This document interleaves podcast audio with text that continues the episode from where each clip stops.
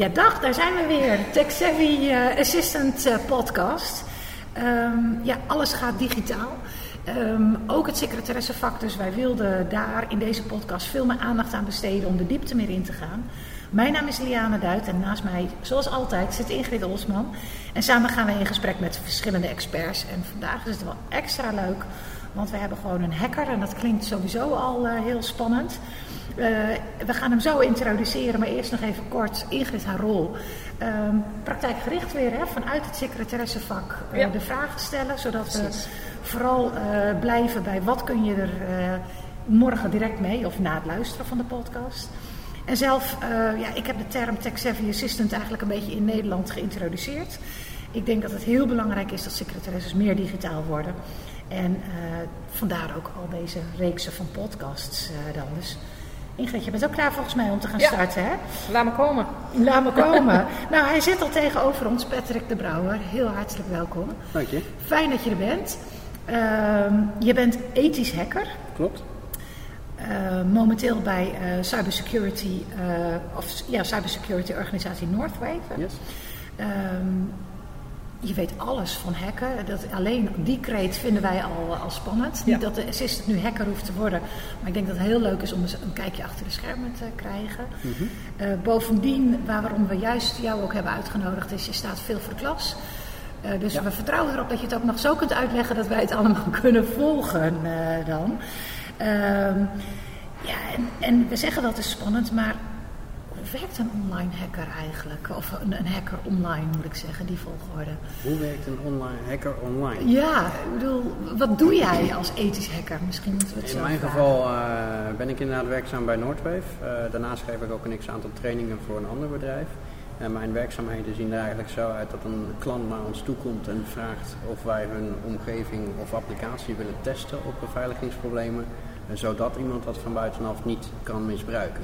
Ja. Dus eigenlijk proberen wij binnen een uh, beschikbare tijd acties uit te voeren die een aanvaller uh, misschien wel maanden of misschien wel een jaar de tijd voor heeft.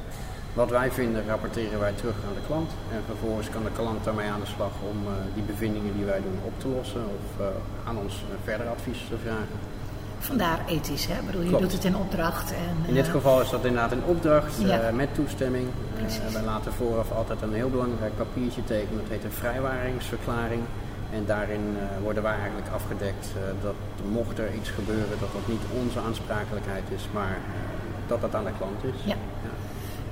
Dus als organisatie, want veiligheid is in alle podcasts tot nu toe nog aan de orde gekomen. Of je het nou hebt over cloud of digitaal werken. Ja. Um, en een digitale aanval is ook een beetje de angst van elke organisatie. Waarom eigenlijk? Wat is het effect? Wat, wat, wat kan er gebeuren? Uh, uh, er kunnen veel verschillende dingen gebeuren. Uh, als je gaat kijken naar de meest grote angst, ligt dat vaak in het bedrijfsimago en financiële schade. Op het moment dat een hacker binnenkomt, dan kan hij natuurlijk de mogelijkheid kiezen om heel veel gegevens op te vragen. Of dat nou van klanten of van medewerkers zijn, persoonlijke gegevens.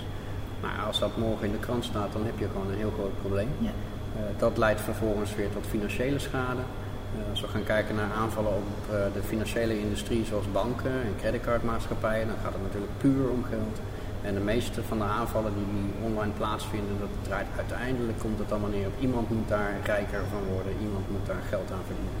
Ja, ja niets anders dan een crimineel in de offline wereld, zal ik ja, maar zeggen. We willen nou, uiteindelijk geld en verdienen. dat is eigenlijk het deel waar de bedrijven de meest bang voor zijn, maar waar men uh, vaak niet bij stilstaat, zijn dat het ook de mensen kunnen zijn die wat jonger zijn en wat meer op ontdekkingsreis zijn. Okay. Iemand die een programmaatje heeft ontdekt en, uh, of heeft gekocht of geschreven en dan het wil proberen op verschillende uh, applicaties of organisaties. En die eigenlijk helemaal geen kwaad in de zin heeft, maar toevallig per ongeluk uh, bij een organisatie terechtkomt die daar vervolgens last van heeft. Dus het zijn niet alleen maar criminelen, nee, okay. het zijn ook uh, nou, nieuwsgierige mensen. Nieuwsgierig. Nou, en we in een van de vorige podcasts hebben we gezegd, wees een beetje nieuwsgierig, maar misschien niet deze nieuwsgierigheid, nee. maar wel een andere vorm van nieuwsgierigheid. Mhm. Mm -hmm. Want Ehm, in ieder geval bij mij is bekend dat de medewerker eigenlijk een beetje de zwakke schakel ook in de organisatie uh, is. Klopt hè? Dat kan kloppen, ja. ja. Er zijn in het verleden, als je gaat kijken naar aanvallen, er is een bedrijf die publiceert jaarlijks statistieken daarop. En wat wel interessant is om daarin te zien dat uh, in het verleden heel veel aanvallen op serverniveau plaatsvinden. Dus de machine waar dan je e-mails staan en waar de databases staan. Ja. Uh, die werden natuurlijk steeds meer beveiligd. Dus je ziet steeds meer aanvallen op user-niveau, dus richting de gebruiker. Precies. Nee, iemand heeft thuis een uh, laptop, die moet hij mee naar kantoor nemen, die is toevallig geïnfecteerd. En, uh, mensen die, die een laptop hebben waar ook hun kinderen of een partner gebruik van maakt. Nou, ja. Er hoeft maar één verkeerd klikje te komen en dat komt het netwerk in. Ja. dat is vrij riskant. Ja. ja. Ja. en wij hebben het steeds over die nieuwe wereld zover het al helemaal nieuw is, hè, maar tussen aanhalingstekens dan maar de nieuwe wereld. En welke kansen zouden secretaresses kunnen, kunnen pakken in die nieuwe wereld? Mm -hmm.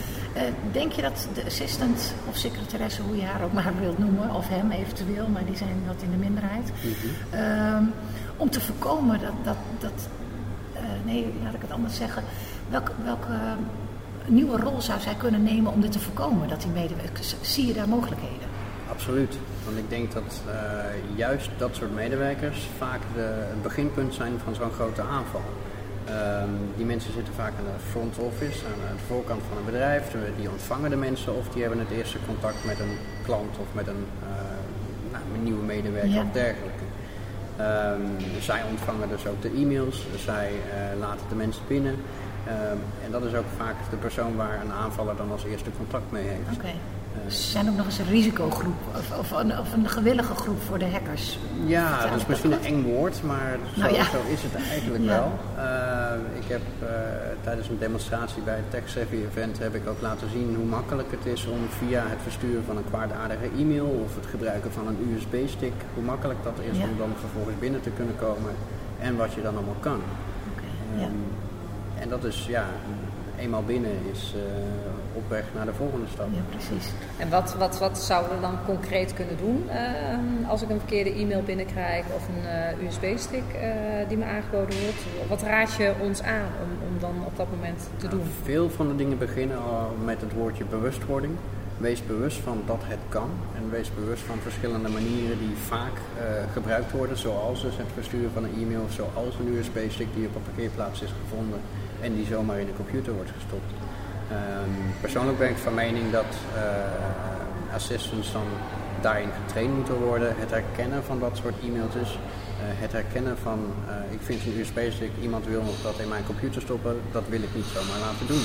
Ja. Ik zorg dat die USB-stick eerst bij een IT-afdeling wordt gecheckt. Of ik zorg dat ik die e-mail die ik krijg doorstuur naar een IT-afdeling en dan een goedkeuring krijg van het is in orde of het is niet in orde. En zijn die trainingen er eigenlijk? Of, er zijn verschillende trainingen. Ja, vast natuurlijk. Nee, ja. niet om nu reclame te maken, maar, want dat hoeft helemaal uh, niet wat mij betreft. Uh, ik gun het jou daar niet om. Maar, uh, maar meer van waar, waar, waar oriënteer ik me dan op? Want ik denk dat heel veel assistants dan denken... nou, ik heb soft skills waar ik me in kan trainen, maar dit is natuurlijk een beetje een onbekend terrein waar ik niet zo snel zou weten. Ja, mensen die aan de balie zitten, die kunnen een training volgen genaamd Predictive Profiling een vrij geavanceerde training, maar dat houdt in het moment dat mensen binnenkomen dat ze gedrag kunnen herkennen. Okay. Ja. Uh, ja. Daardoor zou je bijvoorbeeld eenvoudig kunnen uh, herkennen uh, of iemand kwaad in de zin heeft.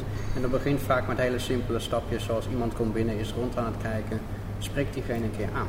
Goh, kan ik u helpen? kan ik u ergens mee van dienst? Ja. Dat is iets wat bijvoorbeeld in winkels vaak gebeurt. En dat klinkt als klant enorm vervelend, maar dat brengt ook een soort beveiligingslaagje mee. Ja. Want op het moment dat iemand het gevoel heeft dat hij dan in de gaten wordt gehouden, is hij minder uh, vaak in staat om dan door te zetten met zo'n actie.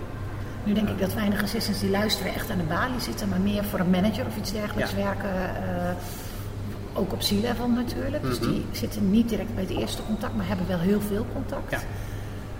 Uh, dan is zo'n training misschien niet helemaal van toepassing, maar dan zou je meer uh, moeten kijken richting awareness en dan met name in het stukje van IT. Ja. Uh, er zijn trainingen die speciaal gericht zijn op dit soort uh, vlakken. juist voor medewerkers die contacten met klanten afhandelen of contacten met medewerkers Ja. of, inderdaad een C-level zitten. Dus die zijn er ook gewoon. Ja. Dat is, dat is goed om, uh, om te weten. Je kan er natuurlijk veel over lezen en dit Ja. soort podcasts volgen.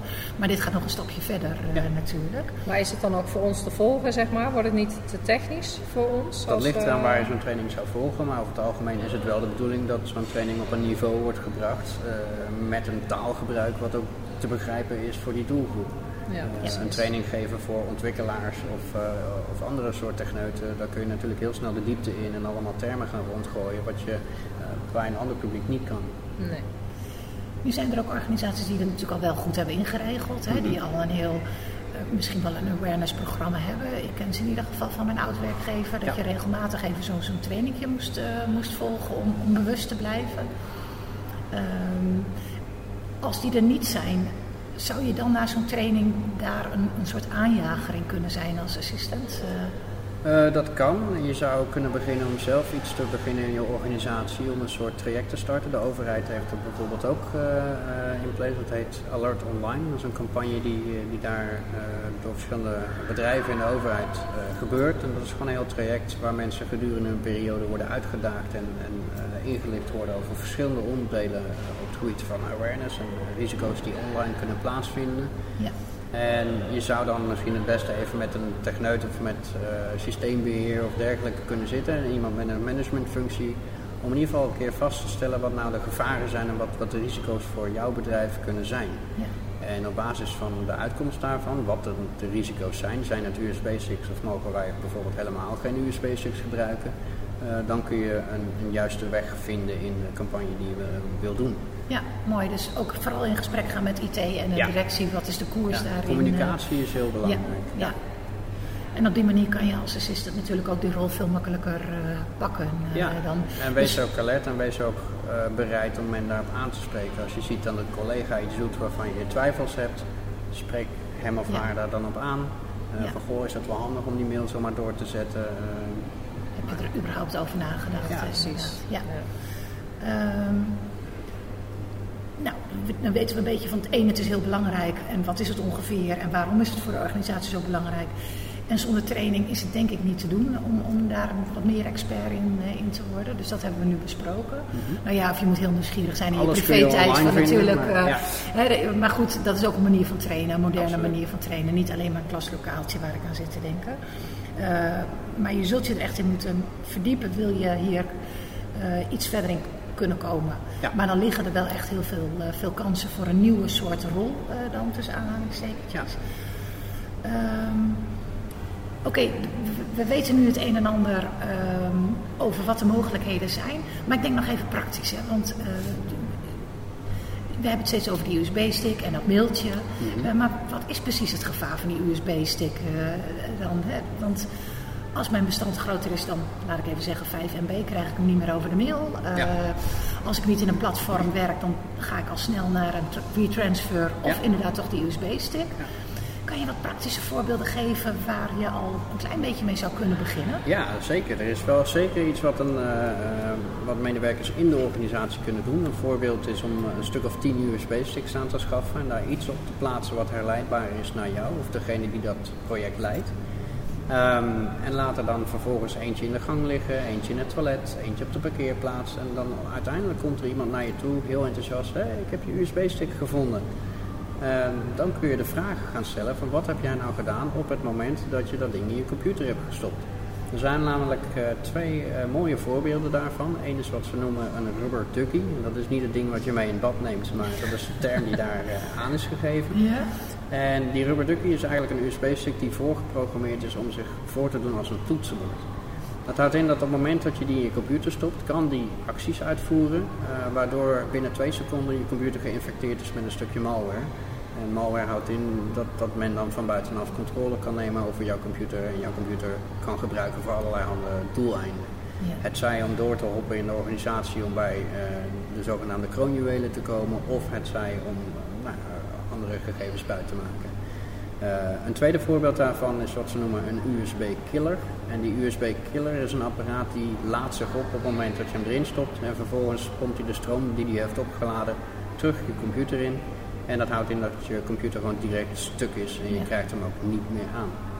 Ehm, daar... En dat zie je niet aan die USB-sticks. Nee, dat kun je aan de Het ziet er buitenkant niet gewoon zien. allemaal normaal uit. Ja. Klopt, dat kun je aan de buitenkant niet zien. En ehm, nou, die campagne zou je dus kunnen doen. Hè, door die USB-sticks ergens door de bedrijfsomgeving te laten slingeren.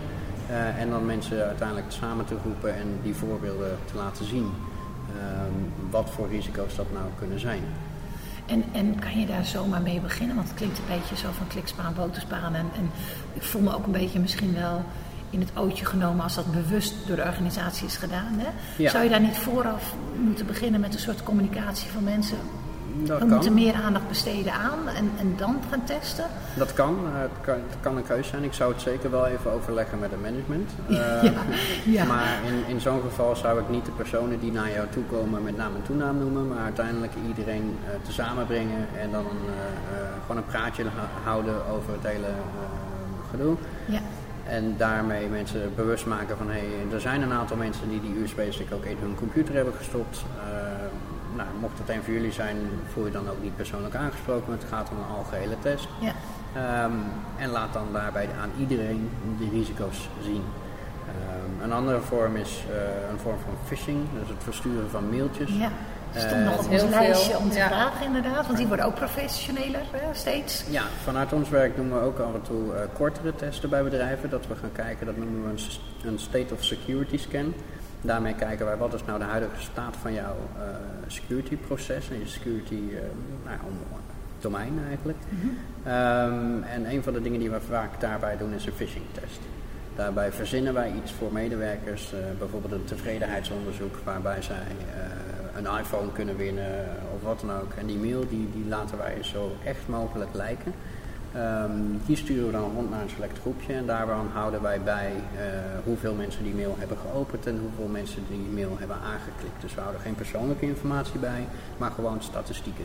En we hebben hem bijvoorbeeld naar 60 personen gestuurd en 15 personen hebben hem eh, geopend en 3 personen hebben daadwerkelijk op de link geklikt.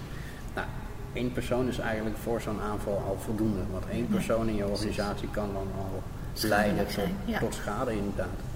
En die campagnes zijn enorm effectief en enorm eh, goed voor de bewustwording van de medewerkers.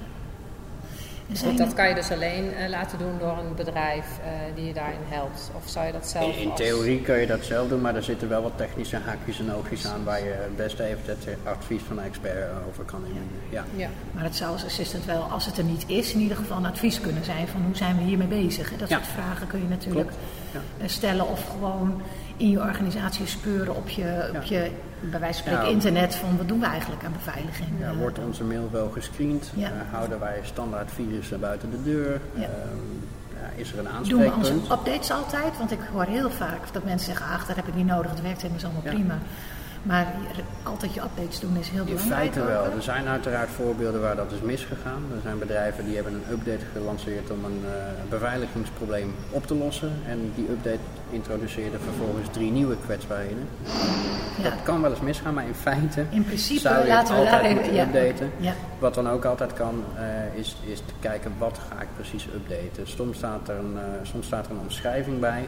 En als het bijvoorbeeld alleen maar iets visueels is, we hebben een logo veranderd of we hebben een knopje van links naar rechts verplaatst, ja, dan is het misschien geen interessante update. Maar als daarbij staat dat het om iets van een beveiligingsprobleem gaat, dan zou ik hem zeker zo snel mogelijk uitvoeren. Dus ook daarbij geldt niet dom uitvoeren, maar gewoon echt even bewust blijven nadenken. Ja. Wat ben ik aan het doen? Eh, En dan is de vraag, is die update wel echt van dat softwarepakket? En dan wordt bewustwording interessant en belangrijk. Maar hoe weet je dat? Hoe, hoe kan je dat? Kunnen wij dat zien? Of, Training. eh, dat, kun je niet zomaar herkennen. en tegenwoordig herkennen. zijn sommige dingen dusdanig echt dat, dat ook mensen van beveiligingsbedrijven erin trappen. Eh, Er worden bij beveiligingsbedrijven, ook bij ons, worden er intern ook testen uitgevoerd. En ja, je kan niet alles 100% waterdicht hebben. Maar het beste wat je kan doen is blijven trainen. Dat op het moment dat het echt een keer gebeurt, dat je hoopt dat, dat je op tijd bent en het op tijd kunt signaleren. Ik heb wel eens gehoord, het is niet de vraag of je gek wordt, maar de wanneer je gek Ja. wordt. En hoe snel kun je dan anticiperen eigenlijk. Hè? Dat dat Ja. eigenlijk voor de organisaties nu... Klopt. Ik haalde eerder haalde ik eh, aan dat er een bedrijf is die jaarlijks onderzoeken publiceert met statistieken over aanvallen. En wat interessant is om daarin te zien, is dat het soms tot ruim een jaar duurt voordat men het doorheeft dat men gehackt is. En eh, hacken kan dan in verschillende vormen. Je kan heel eh, duidelijk een stukje malware hebben die heel zichtbaar is, die bijvoorbeeld je computer op slot zet. Maar in het andere geval is het een achterdeurtje die een aanvaller heeft opengezet. En daar kan hij gewoon binnen en buiten wanneer hij wil. En dat probeert hij zo ondetecteerbaar mogelijk te doen. Een tweede deel van uh, die publicatie is dat vaak uh, het hogere percentage, dus boven de helft van de meldingen van, van hacks, is dat een ander bedrijf, jouw bedrijf, moet inlichten dat je bent gehackt. Uh, dat bedrijf het vaak zelf niet doorhebben.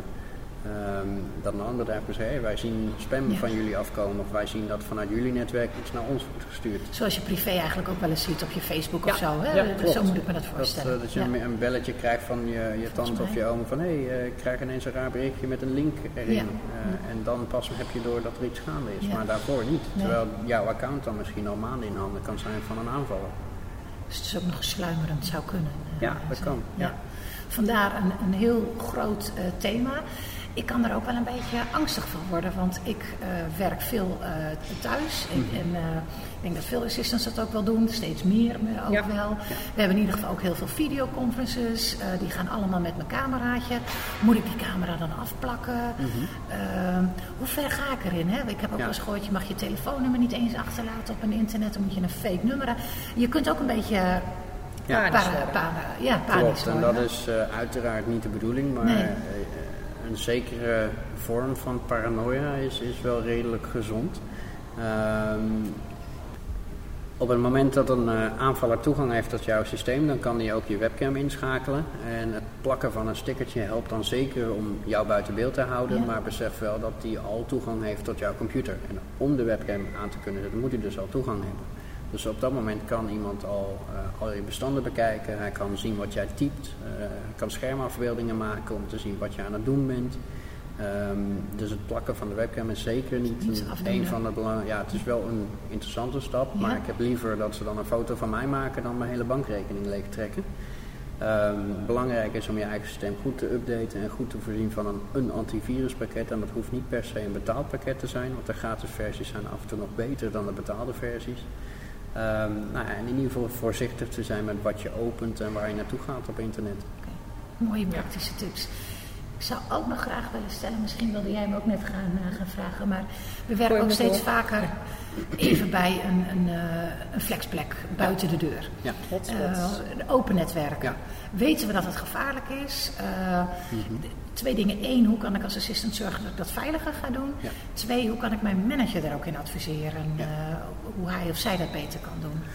Nou, het gebruik van een openbaar netwerk waar in ieder geval geen wachtwoord op zit of, of als het een gedeeld netwerk is, is sowieso gevaarlijk. Waarom? Is omdat iedereen mee kan lezen wat er gebeurt. Uh, de verbinding tussen jouw apparaat en het wifi-netwerk is dan niet versleuteld. Uh, dus als je dan ook geen HTTPS gebruikt, dat groene balkje bovenin, uh, dan kan iedereen eigenlijk zien wat je allemaal intypt en wat je, hoe je inlogt, wat jouw wachtwoord is en dergelijke. Dus niet gebruiken? Liever niet. Op het moment dat dat toch moet, is het altijd aan te raden om in ieder geval gebruik te maken van een VPN-verbinding. De meeste bedrijven zorgen ook dat ze, men alleen maar kan telewerken met zo'n VPN-verbinding. Maar besef dat zo'n VPN-verbinding ook nog wel eens wat informatie kan lekken. Um, je maakt namelijk gebruik van een connectie naar dat netwerk toe. En een aanvaller zou uh, die connectie kunnen zien en dan zou hij vervolgens kunnen achterhalen bijvoorbeeld voor welk bedrijf je werkt. Hij kan inhoudelijk niet meelezen, dus hij kan niet zien welke applicatie je opent, wat je invoert, maar hij kan wel zien dat je werkt met een, een beveiligde verbinding. Mm-hmm. En als dat bijvoorbeeld het uh, ministerie van Defensie is of een bank of een andere interessante partij, uh, dan zou zo'n aanvaller ervoor kunnen kiezen om jouw connectie met dat netwerk af te kappen, zodat jij geforceerd wordt om onveilig te werken. Um, in zo'n geval kun je het beste nog gebruik maken van, het, uh, van, van, een hotspotje op je mobiele telefoon. Okay. Uh, dat is op dat moment dan veiliger dan een publiek netwerk. Okay. Nou, ik okay. denk dat dat al een hele mooie iets is wat ja. veel niet weten. Uh, en dat zou je dus ook richting manager kunnen zeggen van hou je er rekening mee. ja. Dat, ja, mooi. Um, we hebben de nieuwe privacywet, daar gaan we niet al te veel op, op in. Hè. Um, maar het is wel iets wat we denk ik in de gaten moeten houden. Ja. Zijn wij, en daar zitten verschillen tussen Amerika en Europa. Ja. Dat hebben we in de vorige podcast ja. al een beetje aan de orde laten komen. Zijn we in Europa nu veiliger dan bijvoorbeeld in Amerika dan ook? Kan je daar iets over zeggen?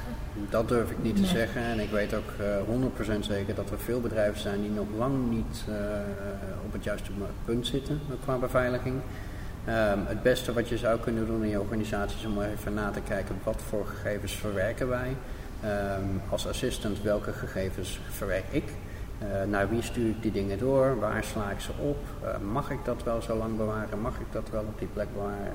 Eh, en in zo'n geval kun je het beste advies inwinnen van een juridisch expert of iemand die Ja. volledig op de GDPR los is. Ja, stel dus dat je in de cloud werkt, hè, want dat hoor ik nou een beetje tussen de regels door eh, zeggen, of, of ik heb het be- verkeerd begrepen. Dus als je dus op een online eh, in de cloud werkt Mhm. eh, en je hebt toch een virusscanner, dan bestaat toch de mogelijkheid dat een hacker op een of andere manier toch in jouw cloud-omgeving komt, ook al is die beveiligd.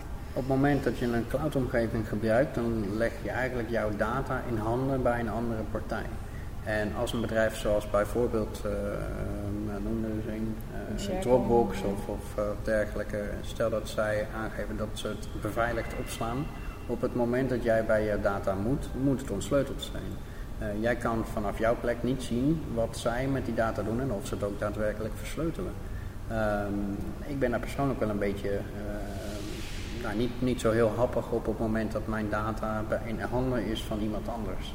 Eh, er worden bij bedrijven natuurlijk wel afspraken mee gemaakt. In, eh, ik noem net het voorbeeld SharePoint. SharePoint kun je A in de cloud afnemen en B eh, lokaal in je eigen netwerk gaan plaatsen. Ehm, als je dusdanig gevoelige gegevens verwerkt en je wil niet dat dat in handen komt van, of je wilt dat dat eh, niet in de cloud staat, dan zou je ervoor kunnen kiezen om een eigen cloud server op te zetten. Ja. Dat zie je ook steeds meer, een soort hybride model noemen Ja. we dat dan ook wel. Hè? Deels in de cloud, eh, wat al beter bereikbaar. Want ik denk dat dat de uitdaging voor elke organisatie is. Als medewerker wil je de, het gemak en het zo snel mogelijk hebben. Ja. En de uitdaging van het IT is veiligheid. Twee keer inloggen en- met mijn wachtwoord vind ik super irritant. Ja. Maar het is wel veilig. Het is veiliger, ja. Ja. Wij, wij hanteren op ons kantoor eigenlijk eh, bij bijna alle services die wij gebruiken een vorm van two-factor authenticatie. Waarbij je dus inderdaad een combinatie van gebruikersnaam en wachtwoord nodig hebt, maar ook op je mobiele telefoon nog een eh, extra code. Ja, Ja. precies. Heel veel kreten zijn nog weer aan de orde gekomen. Je hebt ze iedere keer heel keurig uitgelegd hoor. Maar dat hebben we ook al een keer eerder benoemd. Ik denk dat dat ook om tech-savvy assistant te worden, dat je die kreten veel meer eigen maakt. Hè? Dus Ja. dat heb je heel erg aan bijgedragen. Dank je. Heel veel angst ook wel een beetje gezaaid. Van ja, je doet het eigenlijk nooit goed. Ehm, maar dat moet je denk ik ook een beetje accepteren. Maar zorg in ieder geval dat je goed bewust bent en Ja. eh, dat je er veel over communiceert. Ja, eh, bewustwording is, is een van de belangrijkste Ja. dingen. En als je ook maar het vermoeden hebt dat er iets niet klopt, Ja. trek dan aan de bel. Het zij bij een manager, het zij bij een IT-specialist, eh, om advies in te winnen en om te kijken of het, of het wel klopt. En die assistant die altijd overal spin in het web in de organisatie is, is een ideale rol om daar een beetje wat, wat extra voelsprieten volgens mij voor eh, in te zetten. Ja, nou ja, natuurlijk omdat zij heel veel informatie ook voorbij zien komen. Ja. En op zo'n moment zouden ze ook iemand op kunnen aanspreken van hé, ik krijg nu dit van jou door. Eh, maar het is niet helemaal handig om dat op deze manier te doen. Precies. Dus een hele grote kans voor secretaresses om zich erin te verdiepen. Ja. Maar het vergt wel wat investering, want je moet je er echt even flink in verdiepen. Dit is niet iets wat je op een middagje er even bij gaat Nee, doen. dit is Nee. een proces dat eigenlijk ongoing blijft. En eh, naarmate de beveiligingsmaatregelen beter worden, worden de hackers ook weer beter. Ja. Hè? Het blijft een kat-en-muisspel. Dus het is wel belangrijk in deze sector dat je wel eh, up-to-date blijft. En Ja. eh, bewust blijft van wat de laatste nieuwe trends zijn, wat de laatste nieuwe risico's zijn. Ehm, en daarover dan ook eh, in die rol je organisatie daarover adviseert. En kunnen wij op erg, eh, om af te sluiten, zeg maar, kunnen wij ergens die trends vinden, die tips? eh, is er een nieuwsbrief waar we op ons zouden kunnen abonneren? En, en YouTube-kanaal, Een om even wat YouTube-kanaal, hipper te zijn dan een nieuwsbrief. Nou, niet, niet per se dat ik echt concrete eh, voorbeelden heb zonder dat het echt diep technische websites zijn. Eh, maar mocht er een geval zijn zoals een ransomware-uitbraak eh, of dergelijke, dan staat dat wel op de meest toegankelijke kanalen zoals nu.nl of eh, Ja, eh, het Tweakers of een andere website. Eh, inderdaad gewoon een beetje up-to-date blijven bij eh, nieuwswebsites die ook een beetje het vlak van techniek raken. Ja. Ehm, nou ja, op het moment dat daar iets bekend wordt, eh, dan aan de bel trekken. Hebben wij hier iets tegen? Zijn we ons daar bewust van? Ehm, het kan best zijn dat een bedrijf daar al tegenmaatregelen voor heeft genomen. En dat in ieder geval in de gaten houden. Ja. En misschien toch een cursus awareness gaan volgen. Ja, ik denk dat dat sowieso. En ik weet zelf nog dat ik ben zelf nogal een groot fan van de MOOCs of de MOOCs, net hoe je het wilt zeggen. Dat, en daar zijn ook nog wel een aantal dingen die digitale bewustheid kunnen creëren. Dus dat kunnen we nog, nog koppelen aan de notities die we eraan toevoegen. Ja. Patrick, super bedankt. Graag gedaan. Uh, heel graag nog een keer een uh, vervolg. Misschien krijgen we die kans, want uh, zoals je zelf al zei, dit thema is nooit uitgesproken. Nee, het blijft gaan. Ja. Dankjewel voor je tijd voor nu. Yes. Dank je.